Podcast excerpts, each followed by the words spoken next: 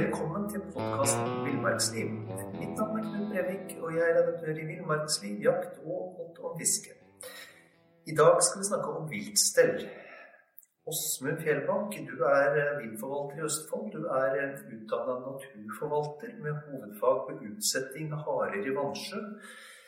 Du er jeger, du er ornitolog, og du er levende opptatt av dyr, fugler og natur.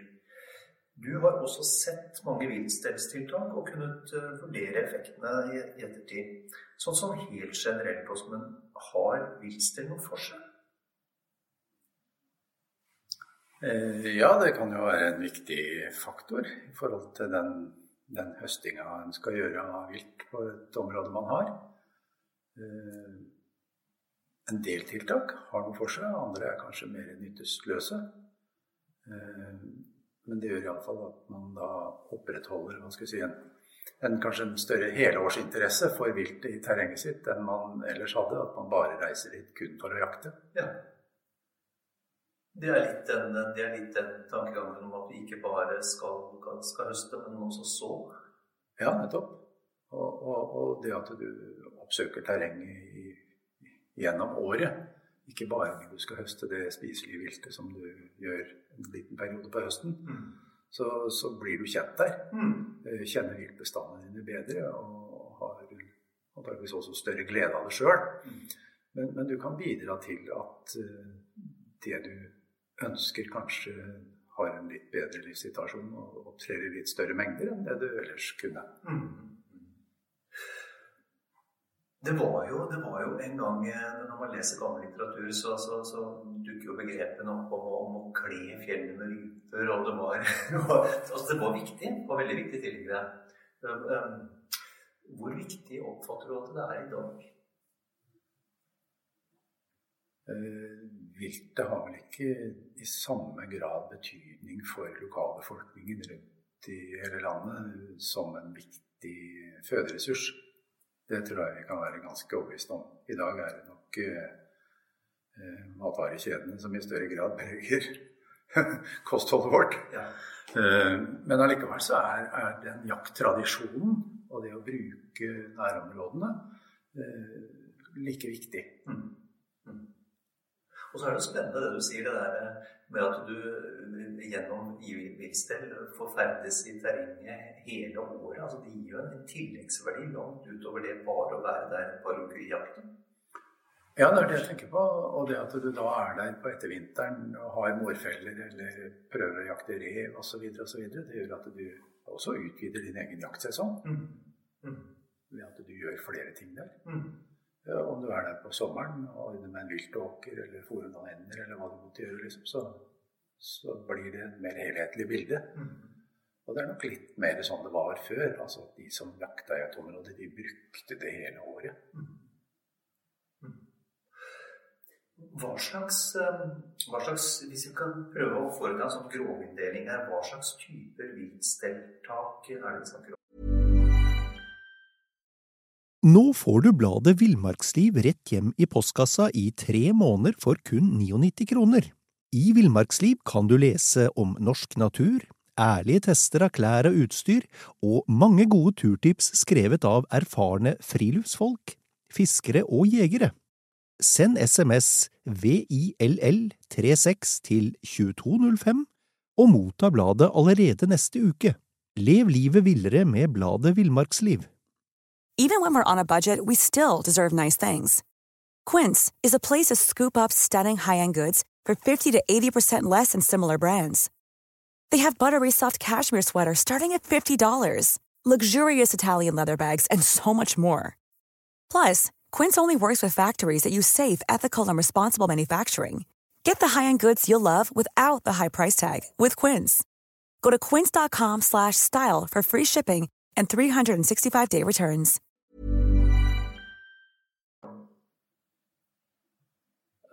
Forskjellig, da, men, men fòring av vilt er jo en, en si, utbredt og vanlig del som er tilpassa at vi hadde vi tilpasser oss litt til det der med vinteren, som er en smalhans for viltet, og prøve å få flere til å overleve gjennom vinteren og dermed skape en større produksjon neste år igjen. Ja. Det er en sånn gammel grunntanke her i Norden hvor vi har tøffe forhold på vinteren. For det er flaskehalsen?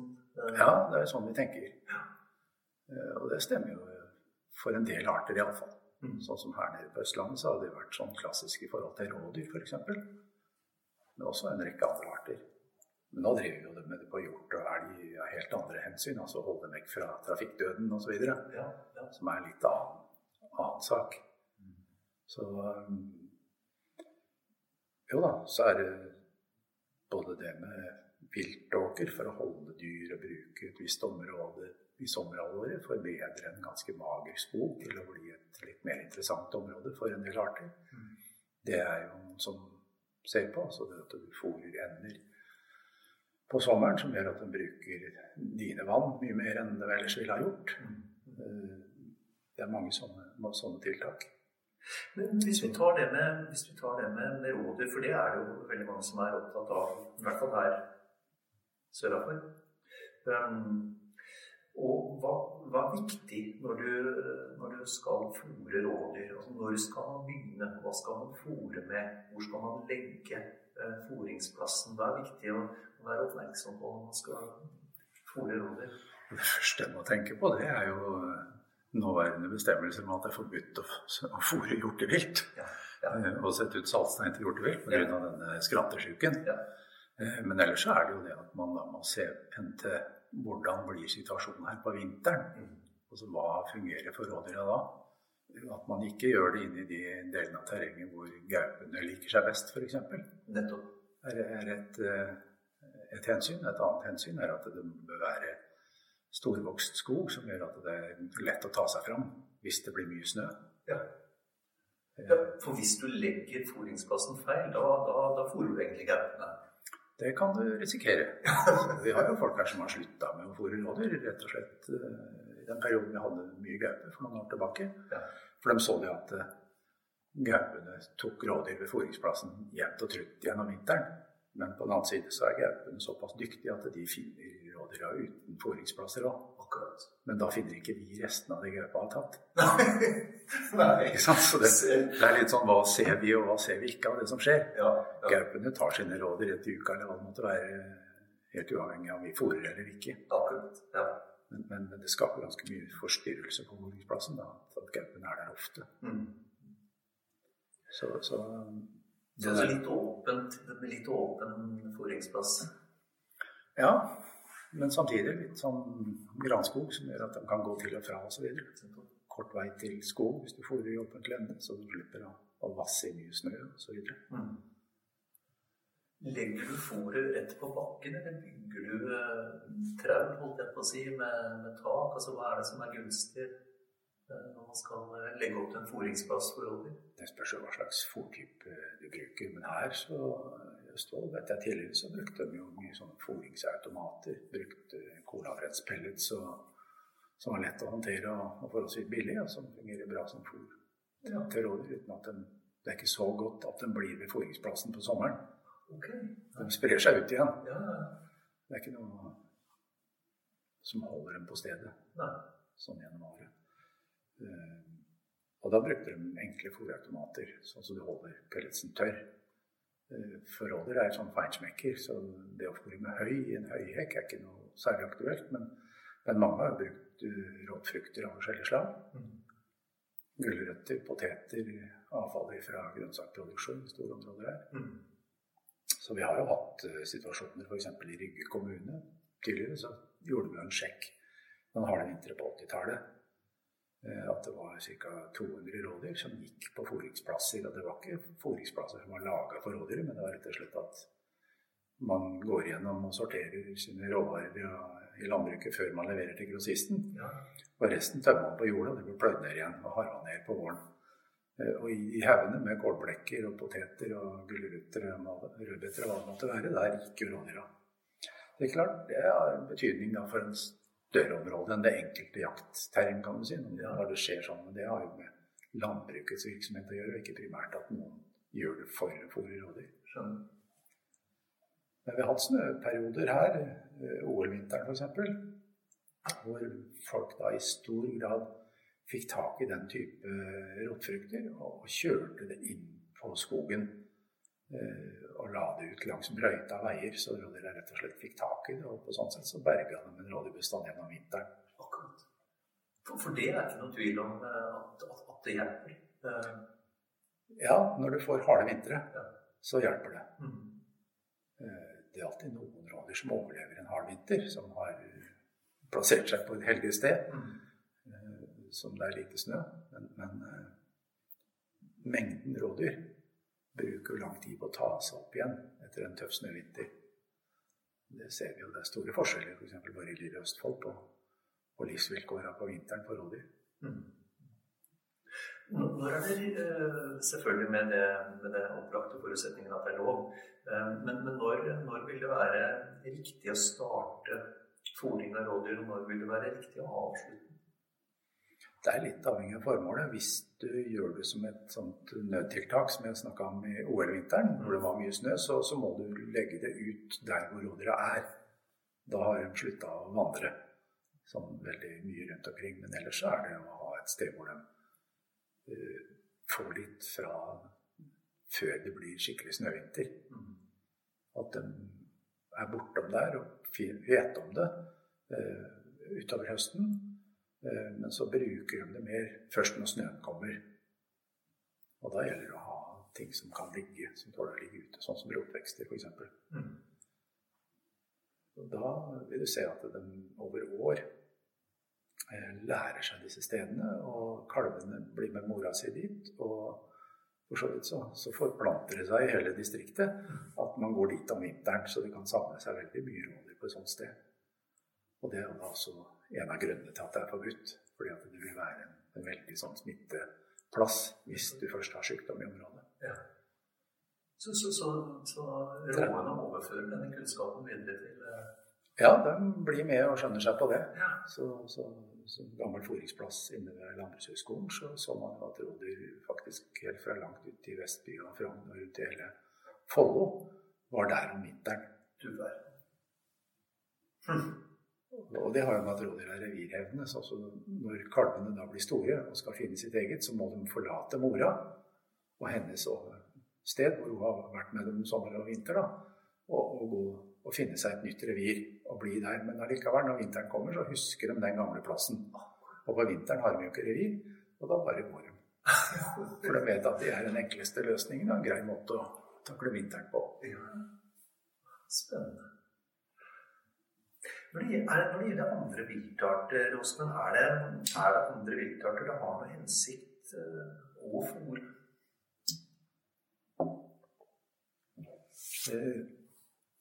Det er vel en del som svarer bra på fôr, men som egentlig ikke har like hva skal vi si, tilsvarende behov for å klare, klare seg gjennom en tøff vinter. De, det fikser de allikevel greit. Harer vil jo bruke en fôringsplass med høy, f.eks. med godt høy. Oppsøke den på vinteren. Ender vil oppsøke et vann hvor du fôrer. Så går det etter at isen har lagt seg. Men når det blir kaldt, så trekker de allikevel unna for is og, og drar sørover eller ut mot kysten.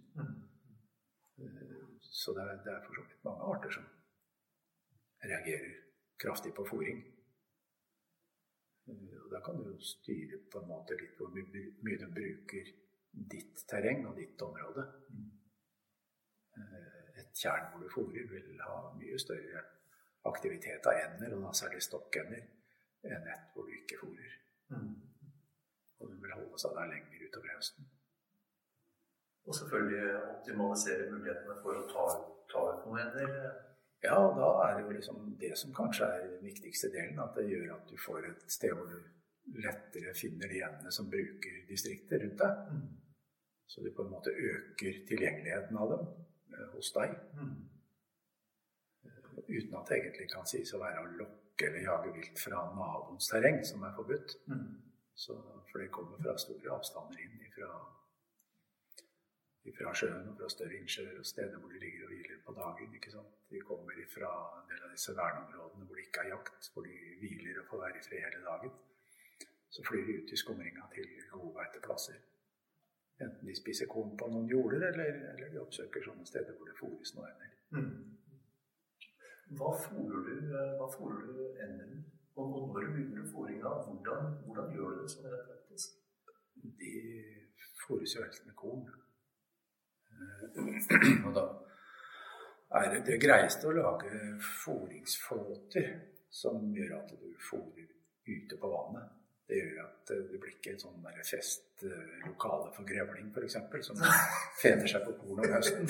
Eller, eller, at det blir masse kråkefugl som nøtteskriker, henter korn og gjemmer i skogen og supplerer vinterforholdet sitt osv. osv. Da er det stort sett bare endene som bruker det. og Da ligger kornet i vann i en sånn liten sånn flyteinnretning i kasse der. Kan være også med en sånn liten fòrautomat eller noe. Eh, og de liker jo å ha et fuktig korn å spise. Mm.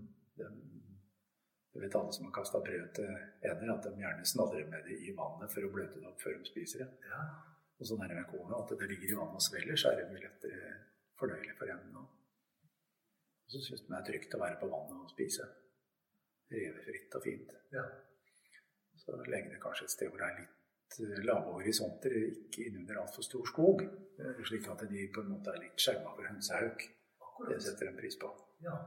Den vil også oppdage at det er mye ender der, ikke sant? så den følger med på det der. Mm. Og dette oppdager en når de, når de ja, altså de er, ja, ja, ja, de er jo I løpet av natta så er de høyt og lavt, altså. Ja. De er jo utrolig nattaktive og, og, og, finner ut sånne ting. Og det er klart at det er ikke noe sånn som at det hvelver ikke inn ender på en natt, liksom. Nei. Det tar litt tid. Mm. Altså, de skal flytte seg litt rundt, og de skal oppdage det. De skal treffe kamerater og ta med de tilbake dit igjen osv. osv. utover høsten. Mm. Så, men gjør man det, så vil også ender huske det til neste år. Og lettere komme inn igjen da. Så det er det noen som benytter seg av i forhold til å, å kunne jakte ender på et sted hvor det egner seg til jakt, og ikke på alle andre steder kanskje hvor det er gode vannbiotoper innunder vinduene til folk osv. osv. Mm, mm.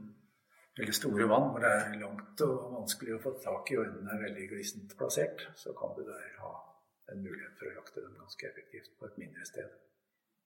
Spennende. Når er det, når er det man begynner å legge ut fôr? Da må man begynne på ettersommeren.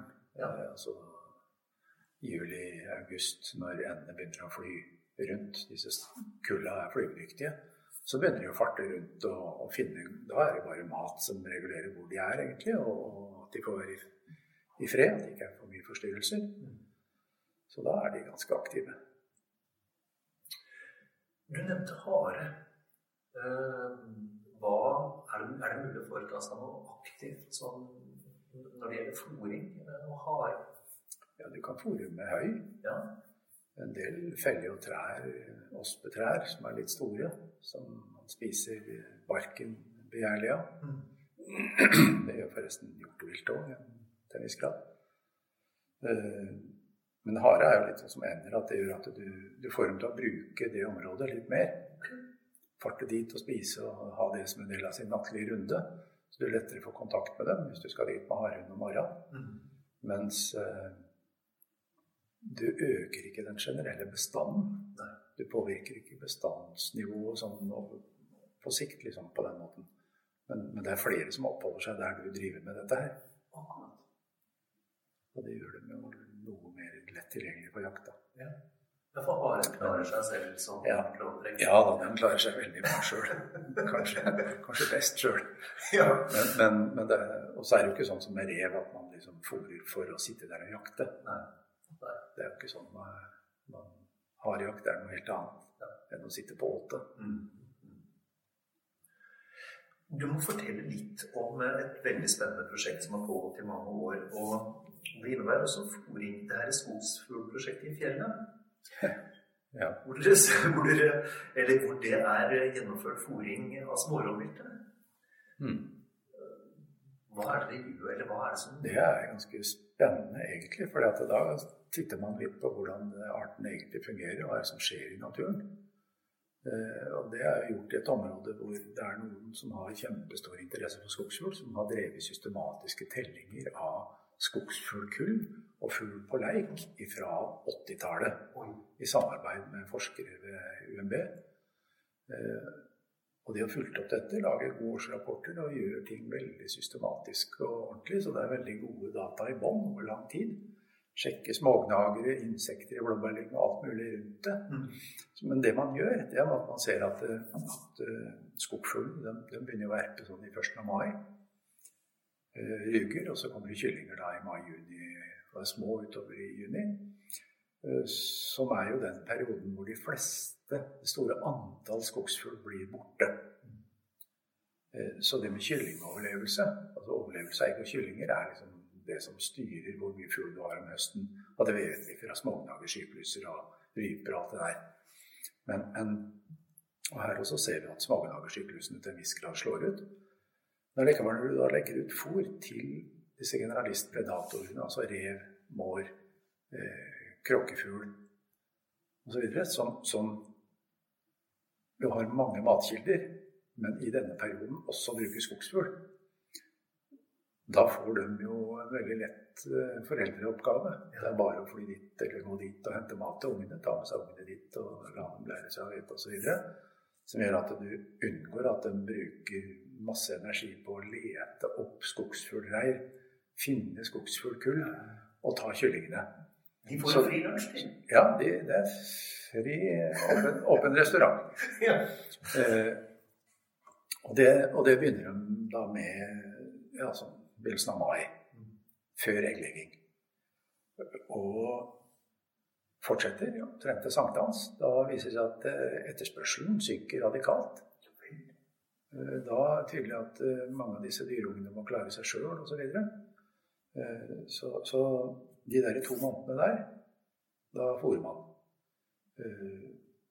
Etter 15. juli så sitter man jo på disse åtene og prøver å skyte rev mm. også. Men så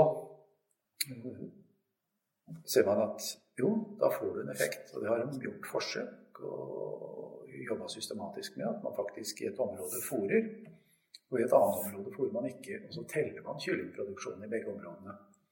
Og så etter noen år så bytter man område. For å sikre seg at dette ikke er områdeavhengig.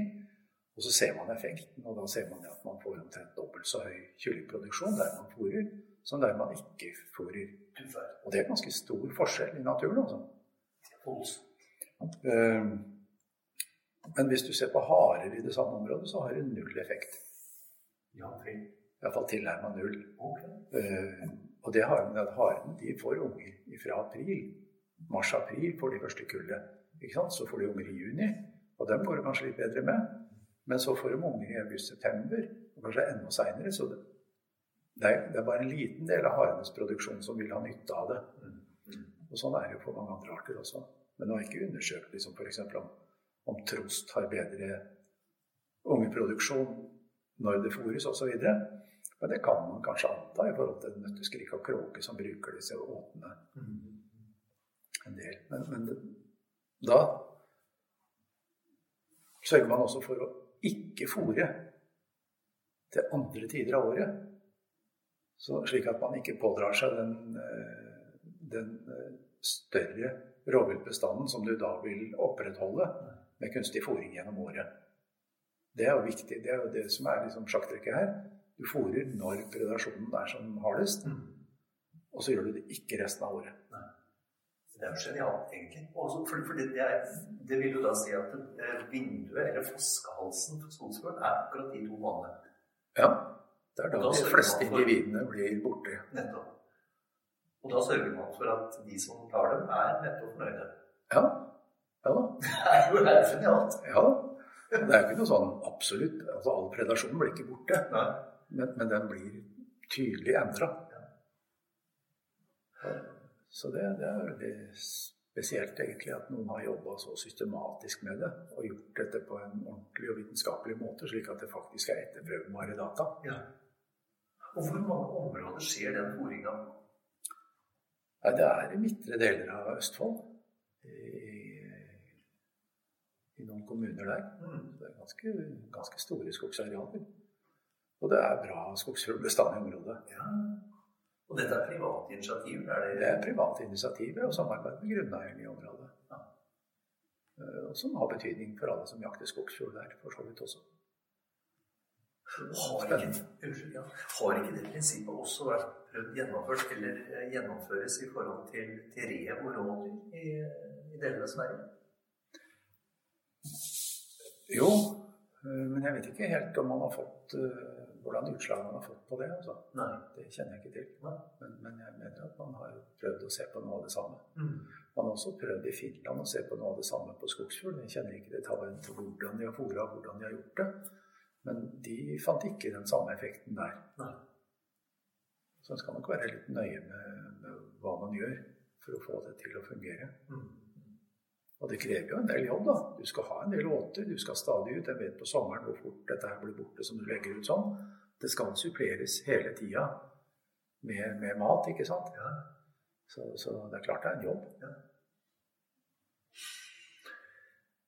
Spennende. Ehm, jeg tenker på det her med, med utsetting av, eh, utsetting av vilt for å bedre en, en, en jaktbar viltbestand. Og du tok jo, du tok jo hovedfaget ditt nettopp utsetting av harer på en øy. Så, har, har, jeg må spørre igjen, jeg. Litt naivt kanskje, men har det noe for seg å sette ut vilt? Det er mange utfordringer med det. Eh, hvis du ser til, til Danmark, delvis England, Tyskland, man driver med fasanutsettinger, og sånn, for å holde jakt og osv. i gang, så ser man at det krever en enorm innsats. I tillegg til selve utsettinga. Eh, det grunnleggende er at man bruker individer som har vært oppfødt av individer som holdes i fangenskap. Eh, og Der viser jo forskning at én generasjon i fangenskap med fasaner endrer atferden hos avkommet. Fordi at den generasjonen som er foreldre, har unngått den naturlige seleksjonen. Og da får du med deg en del individer som skulle vært selektert vekk i bestanden allerede sjøl. Så, så, så det, er, det, er, ganske vanskelig. Eh, samme gjelder antageligvis også hare. Men, men, det jeg så, det var at eh, harene forsvinner som en del av revens hva skal vi si, naturlige levesett. Når de går sin runde gjennom reviret så, og jakter hovedsakelig på mus og, og smådyr, så, så, finner de harunge. Tar med seg den til, eh, til hiet. Eh, da tok de en eller to hver natt. Det var på fastland. da. Satt ut på øyer, så gikk det bra. Det var ingen som ble tatt. Før det kom en rev svømmende. Og da tok hun alt. Mm.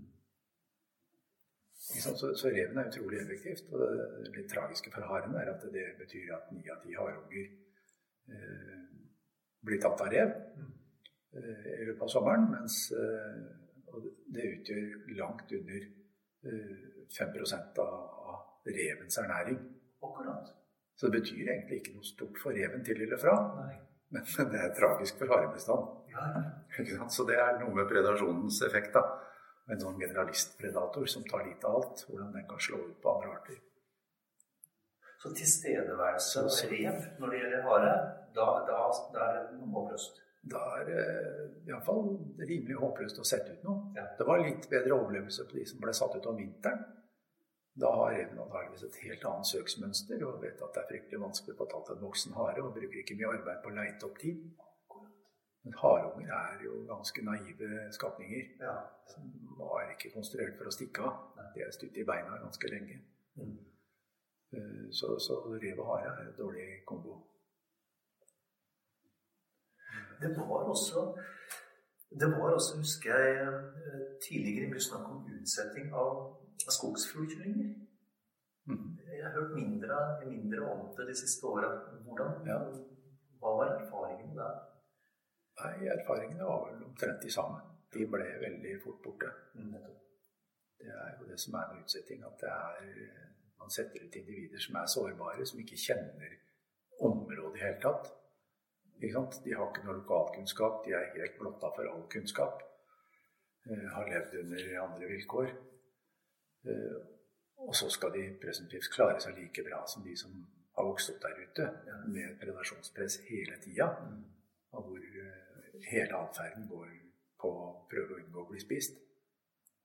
Det, det er egentlig dårlige odds for de som blir satt ut. Eh, det går noe bedre med ender, f.eks. Der har man ikke det predasjonstrykket. Nei. Og det har noe med at de er ute på vannet og klarer seg bedre. De sliter en del med mink og så videre, og kråkefugl osv. Men, men de har en mye større overlevelse. Nei, så skogsfugl, det, det, vet jeg ikke om noen i det hele tatt setter ut lenger. Det ble også satt ut for å få tilbake bestander som da hadde blitt borte. Mm. Fordi at uh, forutsetningene for å være i skogsfuglområdet hadde blitt dårlige. Mm. Av helt andre grunner. liksom. Men at det var ikke mangel på fugl, men det var rett og slett endringer. Som vi ser tettstedsnære områder, eh, iallfall her i Østfold, så ser vi at skogsfuglen har blitt borte i løpet av 30-40-50 år. Mm. Fra rike bestander ut mot kysten så må vi nå øst for E6 og midt innover i fylket før vi finner noe større sammenhengende skogsområder. Ja. Der klarer de seg bra. Mm. Så nei, det er ikke lett å, å klare å endre en bestand ved å sette ut dyr. Fordi at uh, det er ikke mangel på dyr, mangel på produksjon ofte, som gjør at en bestand er som den er. Det er eh, klart det grunnleggende ligger jo på at man har et visst nivå, og det er livsgrunnlaget. Men så blir det også holdt nede under det nivået av, predasjon og av dødelighet. ikke sant? Mm. Og, det å sette ut flere individer å, i et sånt system er liten sannsynlighet for at det gir suksess, egentlig. Mm. Naturen er en ganske sånn komplisert og svær maskin å prøve å få til å gå annerledes. Mm. Og svært usentimental. Ja, det også. Ja da. Nei da, den, eh, det er å spise og bli spist. Det er så enkelt som det. Ja, ja for, for det du sier er egentlig at det, det blir gjerne til at man, de man setter ut, enten er hare eller skogsfuglkyllinger, er de som i utgangspunktet er logisk preparert for en sånn tilværelse. Ja, det er det. Dessverre så, så er det sånn. Altså, vi klarer ikke så enkelt å designe dem for å, å takle det. Nei. Det går noe bedre når man setter ut voksenfugl, som da får kyllinger ute osv. Men også det er ganske vanskelig å få til å fungere bra. Mm. Så, så, og naturen har jo, altså disse, alle disse artene har jo stor produksjonskapasitet hvis de får ungene sine til å leve opp. Mm. Det ser vi jo altså Det har vært demonstrert gjennom alle tider, og det har folk sett i alle tider. Disse museåra, lemenåra i fjellet. Ja. Hvordan du da plutselig liksom Plutselig da kler naturen fjellet med ryper. Mm. Ikke sant? Og det er det vi drømmer om kanskje som jegere, at sånn skulle det jo vært åra imellom her òg. Ja. Nå er det lenge siden sist det var sånn, ikke sant? Så en skjønner jo den måten å tenke på. Mm. Som jeger så er det helt naturlig at du ønsker deg litt mer vilt. Mm. Men, men naturen er ganske tøff, altså. Mm. På, på det området. Og særlig store deler av hva skal vi si, befolkningstette områder. Hvor vi nå som kjøper liksom dobbelt så lange beltereimer som de som levde på 50-tallet, bor. Og alt vi sprer om oss av overskuddsfôr og mat, eh, som gjør at vi opprettholder en bestand av generalistpredatorer som ikke hadde livsvilkår den gangen vi brukte alt. Vi brukte det, vi fôra kaninene med det, vi fôra hønene våre med det. Det var ikke noe spill. Nei, altså du hadde høner og bakgårdsgris og ikke sant? Alt, alt som ble brukt sånn som i landbruk, egentlig. Du hadde noen som tok seg av all næringa helt til det ble jord. Eh, Og det, det bildet der, hvor vi liksom har så mye ting å leve av for disse som da er ute og preger viltbestanden andre deler av året, det, det gjør at forutsetningene er litt tøffe mange steder. Mm. For småvilt særlig. Mm. Så, så, for det er jo velkjent at det, altså, jakttrykket er naturligvis størst på, på de bestandene som er i, i bynære og tette, folk og områder. Eh, men det du sier, er at eh, i tillegg til det, eller kanskje vel så mye som det, så, så, så skyldes, eh, så skyldes eh, det sterke predasjonspresset at vi bidrar med så mye avfall og spisbart til, til reven, til de andre generalistpredatorene. At, at eh, det blir sånn dobbelteffekt her. Ja, det gjør det. Men du ser den jo litt tydelig i fjellet, hvor du får hytteområder inn i, inn i relativt urørt fjellterreng. fjellterreng. Eh, hvor du ser hvordan revebestanden øker, hvordan nøtteskrikene florerer. Eh, og hvordan reven bruker skiløypene for å komme seg rundt i fjellet. Og leiter etter matrester på alle rasteplasser. Mm. Bruker skiløypene, ikke sant. Og, og, du får plutselig da en helårs revebestand i et område som normalt sett ville reven trekke mot bygda på vinteren. Og som sikkert gjør at du får noe mer predasjon på, på arter i fjellet der, f.eks. rypebestanden. Mm. Ja, for dette lærer reven, og reven lærer seg dette åpenbart veldig veldig raskt, hvor det er mat å finne. Ja da. Ja da, det ser du på kråkefugl òg, at de er meget smarte og skjønner seg på dette her. altså. Mm. De, de, lærer utrolig fort hvordan de skal takle oss. Du kan se på bensinstasjonen på Vestby sør, hvor det er en kaie som har lært seg at hun må gå rundt og fange blikket ditt. Oppmerksomheten ditt. Se stusslig ut, liksom, og stille seg foran deg og stirre på deg når du har vært inne og kjøpt noe i kiosken. Hvis du kjøper bare bensin, så er det ikke så interessant. Men den, den, ja, ja, altså det sier noe om at jeg har en enorm evne til å studere oss. Finne ut hvor er det mat, når er det mat, hva driver vi med. Fantastisk. Ja. Jeg tenker på det her, jeg kan ikke helt slippe det, det her med fòring. Mm. Um, alt vi etterlater oss i løpet av høsten, vi som jakter storvilt, det er, det er mye måneder altså, som ligger rundt om. Så det vi vel da kanskje gjør, er at vi mer eller mindre uvitende bidrar til å fòre predatorbestandene langt utover steinhøsten. Ja, det er klart at de bærer vekk og gjemmer tonnevis med mat som de kan bruke da når det blir tøffe dager. I dette området vi snakka om med skogsfugl og predatorfòring, så så er de systematiske på at de tar med seg alt avfall fra storviltjakta ut av skogen. Og mye av det blir jo da lagt i fryseren og brukt til å fòre med på våren. Så, så, det er nok en viktig faktor. Fordi at vi har en hjorteviltbestand som jo er eventyrlig høy. Mye, mye høyere enn det vi hadde før. Så det tror jeg er en viktig faktor i forhold til å oppebære disse generalistpredatorene, åtselighetene, som som er innover i skogen. Mm. Og vi ser i det store gross liksom, hvordan ravnebestanden f.eks. øker her på lavere deler av Østlandet. Og har gjort noe ganske lenge. Det er klart at den er en ekspert på å utnytte sånt. Nå får du bladet Villmarksliv rett hjem i postkassa i tre måneder for kun 99 kroner. I Villmarksliv kan du lese om norsk natur, ærlige tester av klær og utstyr, og mange gode turtips skrevet av erfarne friluftsfolk, fiskere og jegere. Send SMS VILL36 til 2205 og motta bladet allerede neste uke. Lev livet villere med bladet Villmarksliv. There's never been a faster or easier way to start your weight loss journey than with PlushCare. PlushCare accepts most insurance plans and gives you online access to board-certified physicians who can prescribe FDA-approved weight loss medications like Wigovi and Zepbound for those who qualify. Take charge of your health and speak with a board-certified physician about a weight loss plan that's right for you. Get started today at plushcare.com slash weight loss. That's plushcare.com slash weight loss. plushcare.com slash weight loss. Så det tror jeg er et godt poeng du har der.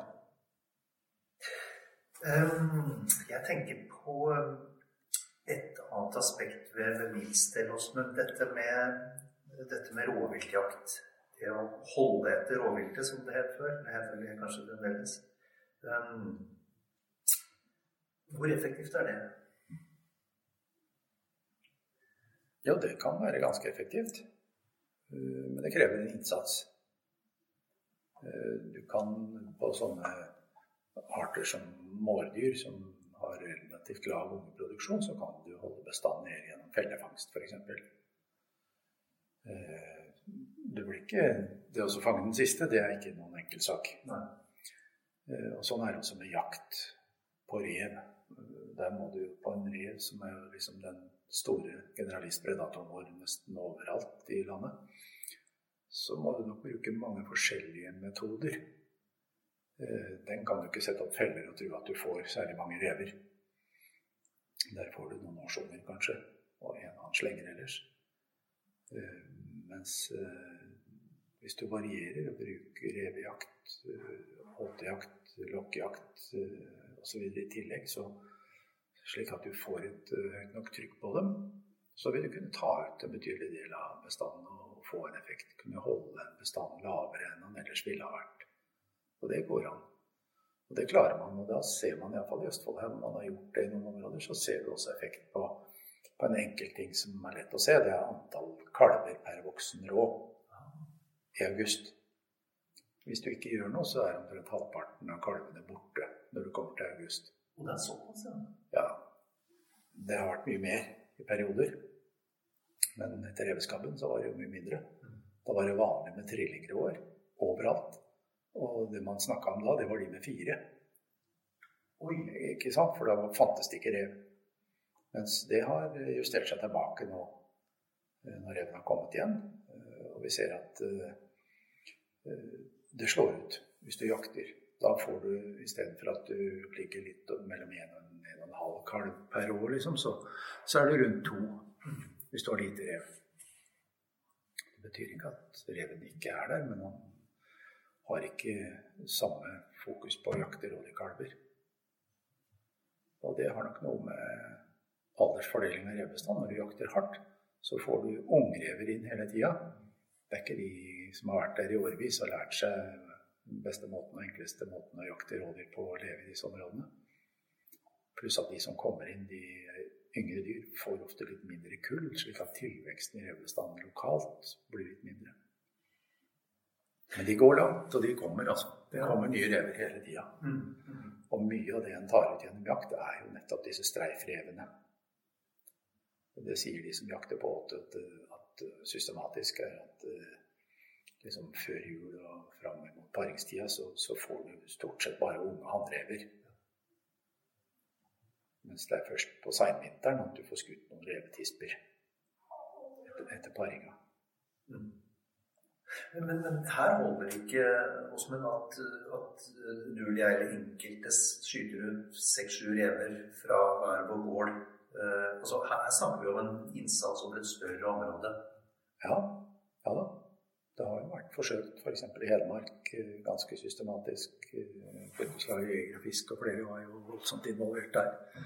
Vi har hatt der hos oss sånne distrikter inne i fylket i Østfold her, hvor man hadde revejaktkonkurranse. Mm. Det var en fin premie til den som klarte å skyte flest. Eh, og det vil jo alltid være en som ikke har fast arbeid, eh, og som kan være oppe om natta hele vinteren ja. og sitte på åte. Ja. For det, her, det, krever stor innsats. Altså. Det krever litt. Skal du skyte 30 rever på en vinter, så skal du jammen meg bruke noen netter. Altså. Mm Og være systematisk og kanskje ha flere åter å følge med osv. Så, videre. så det, det, krever liksom stort fokus. Mm. Og det er nettopp det du sier, at da må flere må være i sving. Og du må kunne dekke et litt større areal for å få en, en tydelig effekt av det. Mm. Hvor kan det gå an å være litt konkret i forhold til hvor stort område må man dekke? Hvor mange jegere må være i sving? Hvor mange rever må man skyte ut før man kan si at dette må man Ja, Antall rever er veldig variabelt i forhold til den bestand du har. Men, men, eh, det som er, er vel at en uansett eh, må prøve å skyte så mange man klarer. Den siste får man nok ikke skutt uansett, ser det ut som. Det, det, skal godt gjøres. Da må det være eh, noe som gjør at det ikke er stor innvandring til området. Mm. Altså geografiske barrierer eller et eller annet. Men enkelte steder virker det som det kommer rekende rever hele tida. Mm.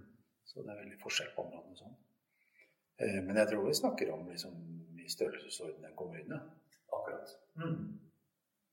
Sjøl om det har vært kommunesammenslåing nå som gjør at perspektivet endres. Så, så, så, så iallfall et relativt stort distrikt. Det er hel bygd, f.eks.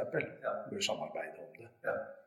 Og det er klart, i, i dalførene hvor du ser mye rev kommer ned mot bygda på vinteren, så er forutsetningene ganske gode egentlig for å få kontakt med en stor del av bestanden. Mm. Og så har jeg hørt at det er ikke helt tilfeldig når man skyter dem heller. Og de revene som monner mest, holdt jeg på å si, å ta ut, det er de som man skyter litt seint på vinteren. Ja, det er de revirhevende revene etter paringa. Mm. Som gjør at da får du i hvert fall ikke de, de gamle revene som kjenner området godt, uh, i, i, samme grad til stede, liksom. Mm. De som vet hvor de skal gå, hva de skal gjøre for å få tak i det og det. Det er vel litt sånn man, man prøver å, å, holde på fram til jakttidens slutt. Ute i april. Det er jo lang jakttid på rev, så det er store muligheter. Mm. Og det er jo en jakt som veldig ofte er tilgjengelig. Uh, ofte så handler det om at man er hyggelig og spør på en hyggelig måte om man kan få lov til å jakte i Revestia. Det er ofte lett å slippe til. Ja da. Men det er vanskelig liksom, å få til en motivering parallelt over større områder. Mm. Uh, vi ser her hos oss etter reveskapet. Det tok mange år før vi fikk tilbake gode revehunder. Og det har mye å si i en del distrikter, at man har det. For det er mye skogsterreng og vanskelig tilgjengelig rev. Og vanskelig å drifte på alter. Mm. Du nevnte, nevnte reveskabben, eh, Åsmund, eh, som ble oppdaga av 76 i Lierne i Trøndelag. Og varte til et godt stykke ut på 80-tallet. Den, reveskabben den ga noen oppsiktsvekkende resultater. Ja da. Ja da, den gjorde jo det. Det var jo et, eh, et viltstelltiltak fra Vår Herres side, for å kalle det det. Ja. Men det var iallfall et, et, et, på en måte en endring som, som, gjorde at det var interessant å observere den store effekten av rev. Hvor du så bestanden av en del andre arter økte. Voldsomt oppsving av skogsfugl. Voldsomt oppsving av grevling. Solid oppsving av hønsehauk. Uh, ikke sant, som det ble mye småvilt å leve av. Ja. Eh, Målen blom, fikk en blomstringstid uti dette her. Rådyra blomstra. Eh, vi hadde jo samtidig her hos oss i hvert fall veldig milde vintre som gjorde at det var liksom enkelt å være rådyr uansett hvor, de, hvor du levde. Helt fram til OL-vinteren 94. Eh, men vi får sånne sekundæreffekter. Da, at eh, med en stor mårbestand eh, så oppdager vi f.eks. at skogduene fikk seg en smell. fordi da begynte måren å, å, frekventere alle disse hageskaugene med mye løvskog, store løvtrær med hakkespetthull, hvor skogduene var. Utvida territorium, altså? Ja, den begynte å ta i bruk eh, hele Østfold istedenfor bare liksom, de store skogsområdene. Og det har den faktisk fortsatt med siden.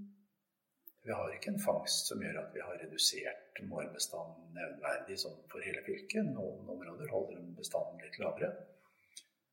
Men, men, vi ser at vi har mye i kulturlandskapet. Og stor påvirkning på, på hulerugere. Så våre skogduebestander nå de er størst på øyene i fjorden, der hvor vi har huletrær. Så det er litt sånn pussigheter, egentlig. Og at vi da også har fått som en besøk av mår på øyer med sjøfugl, f.eks. Som har holdt seg der. Så, den revskapen, den, den, gjorde stort inntrykk. Det var egentlig morsomt å være til stede og følge med når det der skjedde. For det er jo ikke sånn som skjer hvert århundre. Men det var en enorm effekt, altså. Og det sier vel noe om hvilken voldsom innflytelse reven har på omgivelsene? Ja da. Den er liksom en sånn predator midt i systemet. Blir tallrik, produserer mye unger, veldig tilpasningsdyktig. Så den er jo i alle biotopene våre. Så det er eh, imponerende egentlig av en art. Å kunne leve sånn som reven. Å være så tilpasningsdyktig og, og, finne måter å leve på alle steder. Fra midt i Oslo-gryta til, til, langt opp på Finnmarksvidda. Mm. Jeg syns det er litt det er en spennende art. altså. Fascinerende. Ja, og det ser vi jo både med fangst og, og jakt òg, at den, den, vet å passe seg. Mm. Ja. Hva med, hva med kråke? Kråkejakt? Uh, altså, hva, hvor mye, hvor stor rolle spiller kråka sånn i forhold til det vi med et litt gammelmodig uttrykk, men like fullt et ok uttrykk, de kaller det matnyttige viltet? Det krokka betyr en god del uh, ute i iallfall i våre områder, i kulturlandskapsnærområdene. I skog så er det ikke så tette bestander av kråke. Den fordeler seg i grunnen litt sånn som du ser at trost og duer fordeler seg. Mm. De utgjør en viktig del av næringsgrunnlaget sånn, man skulle si, i forhold til egg. Den er ikke noe til å jakte. Den tar egg og litt kyllinger. Uh, men ellers er den ikke så veldig effektiv til å ta kvikke små dyr som springer unna. Og heller ikke så god til å lete opp alt. Men, men reder er han veldig god på å finne. Mm. Og det, i territoriet sitt så, så finner han de fleste redene. Og du ser at duene sliter jo litt med det. Så lenge kråka har unger og er i reviret, så, så får de ikke fram unger. Men de får noen seine kull når, når kråka har dratt igjen. Mm. Uh, så den er ikke av de største predatorene her på skogsfugl f.eks. Men, men den er absolutt til stede. Og det er også fugler som bruker huet til å finne livsmåter og måter å finne hvor det er mat og hva slags mat til ulike årstider osv. Mm. Vet hvordan de skal lete og hva de skal se etter gjennom året. Smarte fugler. Pluss at de trekker vekk om vinteren. Så om det er tøft om vinteren, så kommer de likevel tilbake om våren. Så, så kråkefugler er jo smarte. Så det, det, betyr en god del, det, altså.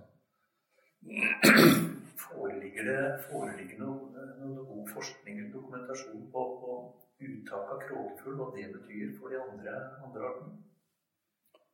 Ja, det gjør det. Det ble gjort undersøkelser i Trøndelag på det bl.a. som viser at du får et massivt utslag på trost. Akkurat. Ja vel. Som jo er en, en, viktig matkilde for kråker, tydeligvis. Med trostereder. Eh, men på småviltet ellers, hvor stor effekt du får Du får litt effekt, men det er ikke noen sånn radikal effekt ved å fjerne kråker. Ja. Og det er også vanskelig å, å, å holde vekk ved at de, de, kommer. Du kan jakte kråker eh, på ettervinteren når trekket kommer på slutten av vinteren. Eh, men det å, å legge så trykk på det at du holder kråkebestanden nede, det er vanskelig. Skal du holde den nede lokalt, så, så ser du jo i England f.eks. hvordan man da fanger kråkepara i reviret når de har etablert seg. Altså så seint på året at du begynner å komme i mars-april, altså utafor jakttida vår. Da. Mm. Uh, og da får de en effekt av det. Og det er jo særlig da i forhold til fasaner de er bekymra for. Mm. Og utsettingen av fasaner osv. Så, videre. så der, der, får du en effekt. Men du skal, du skal, jakte hardt på kråker hvis du skal klare å holde og senke bestanden i et område. Mm. Hva med minken? Og da tenker jeg vel kanskje hovedsakelig på minken på øyene, for minken på fastlandet er vel ikke så lett å få gjort noe med. Men, eh, men minken på øyene, hva, uh, hvor effektivt er det, og hva, hva slags utslag gir det hos Det er ganske effektivt. Hvis du ser på minkbestanden isolert og fjerner den, uh, så, så, ser du at du får uh, en klar reduksjon hvis du legger trøkk på den. Hvis du jakter mink systematisk med hund i et område, så, så, kan en mann og en hund klare å holde minkbestanden i sjakk ved et relativt stort kystavsnitt. Mm. Eh, Sjøl om det kommer nye individer inn hele tida, så, så, ser du det at det, det, blir færre kull. Du klarer å høste ut, og her kan du drive til, til langt fram på våren. Mm. For det er helårsjakttid. Eh, så ta dem helt fram til mot at de får unger da, midt i april er som regel slutt på dette her, for det er jo ferdselsforbud, hekkende sjøfugl og mye forstyrrelse med å drive sånn i skjærgården. Eh, og du kan jakte dem effektivt med feller, med duftmidler, altså luktkjertelsekret fra, fra, mink som de andre minkene reagerer på. Det er kanskje lettere enn åtefeller. Åtefeller får du de unge på. Eh, men, men, det er ganske effektivt. Så fins det en del undersøkelser som viser at du får Eh, en effekt særlig på små sjøfuglarter. De små måkene og ternene og vadefuglene er kanskje de, og alkefugl, som ligger bare ett og ett egg. Eh, og særlig teist, som da til og med legger det egget inni, inni et steinrøys eller et hulrom. De får du en tydelig effekt på. Eh, mens store måker, ærfugl og sånn er en mer begrensa effekt. Det er undersøkt på Sørlandet bl.a. Hvor, hvor det med for en område hvor man tar vekk mink, og hvor man ikke tar vekk mink, og ikke ser noe særlig forskjell på de store, store artene. Så, så, det er ikke noe sånn simsalabim for alle, det heller. Men, men, det betyr en del for noen. Og minken er jo liksom i, si, forhold til vår opprinnelige natur en, en, sånn tilleggseffekt som vi ikke ønsker. Så der driver jo til og med det offentlige og bruker ressurser på å holde den vekk fra de ytre deler av kysten. Og da ser man på hvor, hvor langt gidder en mink å svømme når han er i spredningsfasen. Og da må du liksom ha avstand mellom øyene på mer enn 600 meter iallfall. Kanskje helst en kilometer, for at det liksom ikke er sannsynlig at det kommer mink tilbake igjen sånn med en gang. Og i de områdene iallfall så er det mulig å, med feller og, og noen runder med minkhund å holde minken borte, faktisk. Og det begynner de etter hvert å få til på flere steder på kysten. Skjerme viktige steder for, for sjøfugl. Mm. Så ser vi andre steder hvor det er mye rev, så, så er det ikke mink heller. Men, men, revens predasjon overskygger jo minkens, mm. egentlig. Er, når han først kommer, så er den veldig effektiv på sånne holmer med, med sjøfugl. Mm. Vi kunne snakka veldig veldig mye om, om viltstell også, men hvis vi skal prøve å oppsummere litt hva, hva slags viltstelltiltak og hva, si, hva, hva, må ligge til grunn for at det skal være vellykket? Hva har vist seg å være suksesskriteriene for en del vellykka viltstelltiltak? Det har jeg aldri tenkt over, men det som jeg er ganske sikker på, er at det må være at eh, den som driver det, faktisk har anledning til å bruke tid nok på det. Altså, dette er ikke noe du kan drive med sånn tilfeldig et par ganger i året. Du må være et område i nærheten av der du bor, og drive med det systematisk gjennom året. Enten det er den ene eller andre type tiltak. Det tror jeg er Hvis ikke, så, så, så blir det sånn at du, du, tror du har gjort noe som betyr noe, men, men, det har vel kanskje ikke noe særlig effekt. Nei, nei. Det kan være moro likevel. Ikke det? Nei. det er opplagt. ja. Nettopp. Um, og så, så, er det vel litt med det å uh, Samtalen vår nå har i hvert fall uh, vist meg at dette er, dette er komplisert materie. Det er ikke enkel matematikk der. Man tar ikke ut bare en faktor, og så får man altså, Dette er mange mange faktorer som spiller en komplisert materie. Ja. Um, jeg vil tro det var lurt å, å, søke innsikt og kunnskap før man begynte, for det foreligger jo mye viten om villstell, som, som jo du har fortalt oss i dag. Ja da, det, det, er masse som man vet om disse tingene. Men samtidig med at man har erverva den kunnskapen, så har man også erverva kunnskapen om at det er ganske innfløkt. Ja. Men det å ha litt Altså, hvilke arter har du? Hva er det som skjer i ditt eget område? Hva er mulig og ikke mulig der? Det er litt sånne betraktninger man kanskje skulle gjøre eh, hvis man vil ha noen effekt av det. Mm. Eller så bør man prioritere det man har lyst til. Mm. det er så generelt en god, god jo, nettopp. Åsmund, tusen takk for praten. Jo, bare hyggelig.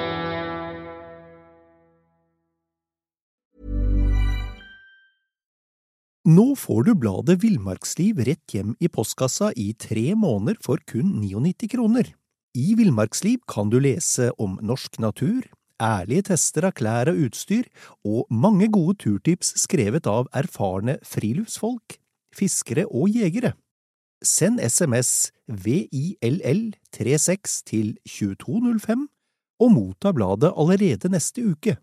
Lev livet villere med bladet Villmarksliv. Hey, it's Danny Pellegrino from Everything Iconic.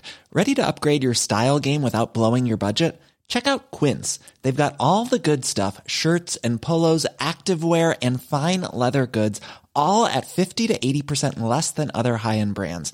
And the best part? They're all about safe, ethical, and responsible manufacturing. Get that luxury vibe without the luxury price tag. Hit up quince.com slash upgrade for free shipping and 365 day returns on your next order. That's quince.com slash upgrade. Mom deserves the best, and there's no better place to shop for Mother's Day than Whole Foods Market. They're your destination for unbeatable savings, from premium gifts to show-stopping flowers and irresistible desserts. Start by saving 33% with Prime on all body care and candles. Then get a 15-stem bunch of tulips for just $9.99 each with Prime. Round out Mom's menu with festive rosé, irresistible berry chantilly cake, and more special treats. Come celebrate Mother's Day at Whole Foods Market